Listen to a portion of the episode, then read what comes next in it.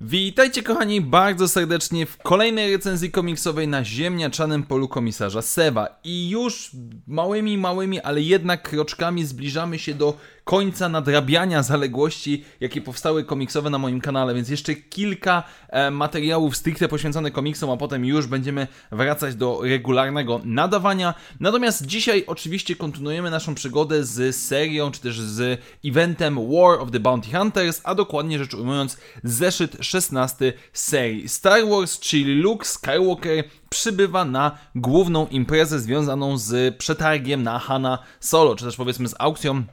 kto najbogatszy, kto najwięcej da, dostaje zgarnie Hanna Solo. I generalnie to jest kolejny zeszyt, który bardzo mocno wpisuje się w to, o czym mówiłem w poprzednich recenzjach, czyli takie trochę przebieranie nogami, trochę w pewien sposób uzupełnianie tego, co już było w innych zeszytach i generalnie rzecz ujmując akcja, która nie idzie zbyt szybko niestety do przodu, chociaż nie jest całkowicie źle, e, bo oczywiście widzimy tutaj e, to, co widzieliśmy w, poprzedniej, w poprzednim zeszycie War of the Bounty Hunters 3, tylko z perspektywy Luka Skywalkera i oczywiście naszej ekipy rebeliantów, czyli Lando, Chubaki i Lei na powierzchni samej planety. I zacznijmy Od Luka, który ma, nazwijmy to, ciekawszy wątek. Chodzi oczywiście mi o sam początek tego komiksu, jak i również jego końcówkę, gdzie Luke Skywalker sam mówi do R2D2, że przemyślał swoją walkę z Lordem Vaderem na Bespinie tysiąc razy, analizował co się stało, e, jak Vader był powiedzmy potężny, jak szybko atakował i tak dalej. I już mamy wrażenie, że Luke stwierdza, dobra, ale ja jednak jestem w stanie go pokonać, bo nauczyłem się nowych rzeczy i tak dalej, po czym sam Luke stwierdza do siebie, kogo ja oszukuję jakby nie jestem w stanie pokonać Lorda Vadera, nie jestem w stanie pokonać swojego ojca, bo on jest zbyt potężny. Kiedy zdaję sobie sprawę, kiedy po raz kolejny mamy ten jego problemy, powiedzmy, z mocą, kontakt z mocą, który jest, jak zaznacza sam, blokowany przez strach, absolutnie nie ma na to szansy. I na samym końcu, kiedy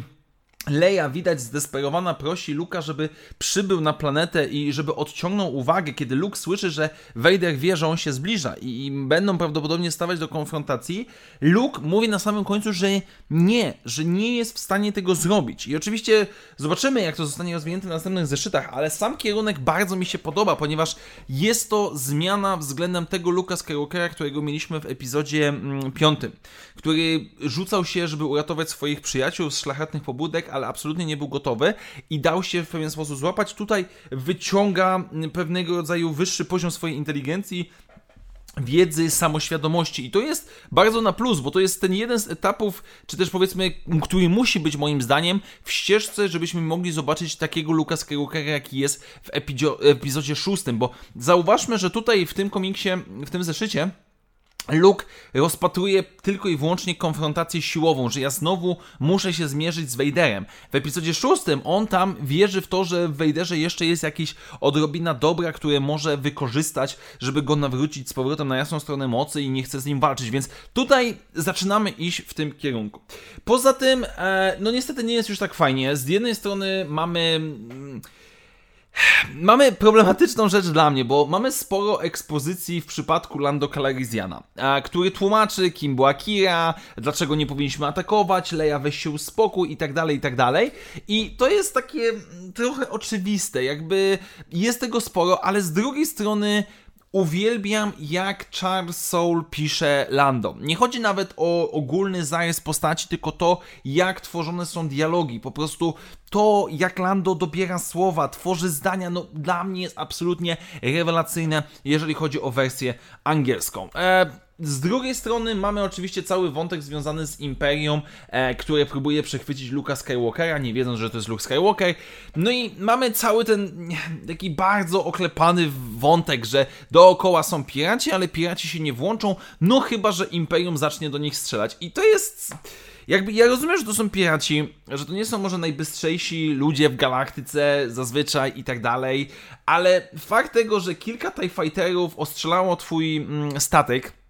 nie znaczy, że możesz iść, że tak powiem, na bezpośrednią konfrontację z egzekutorem, no, no super niszczycielem, no nie masz szans, ziomek, co bardzo szybko kończy się dla piratów.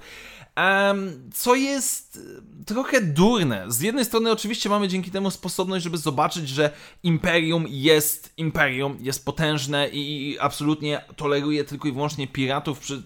czy, też przestępców tylko i wyłącznie dlatego, że służą ich celom, ale no mimo wszystko całe, całe to rozwiązanie takie standardowe na zasadzie Luke musi się przemknąć, więc robi zamieszanie. No i poza tym,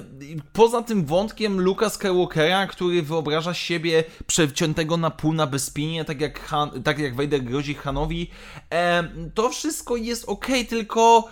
let's go, idźmy dalej, idźmy do przodu, co tu się będzie więcej działo, bo jakby ja już naprawdę przebieram nogami, jeżeli chodzi o to, jak to się wszystko rozwinie i czekam z niecierpliwością, więc sam zeszyt no niestety szałowy nie jest, chociaż przynajmniej ma dobre aspekty związane z postacią, czy też rozwojem postaci Luka Skywalkera. Tak więc dziękuję Wam bardzo serdecznie, moi drodzy, za dzisiejsze spotkanie, do usłyszenia wkrótce w następnych materiałach i jak zawsze, niech moc będzie z Wami. Na razie, cześć!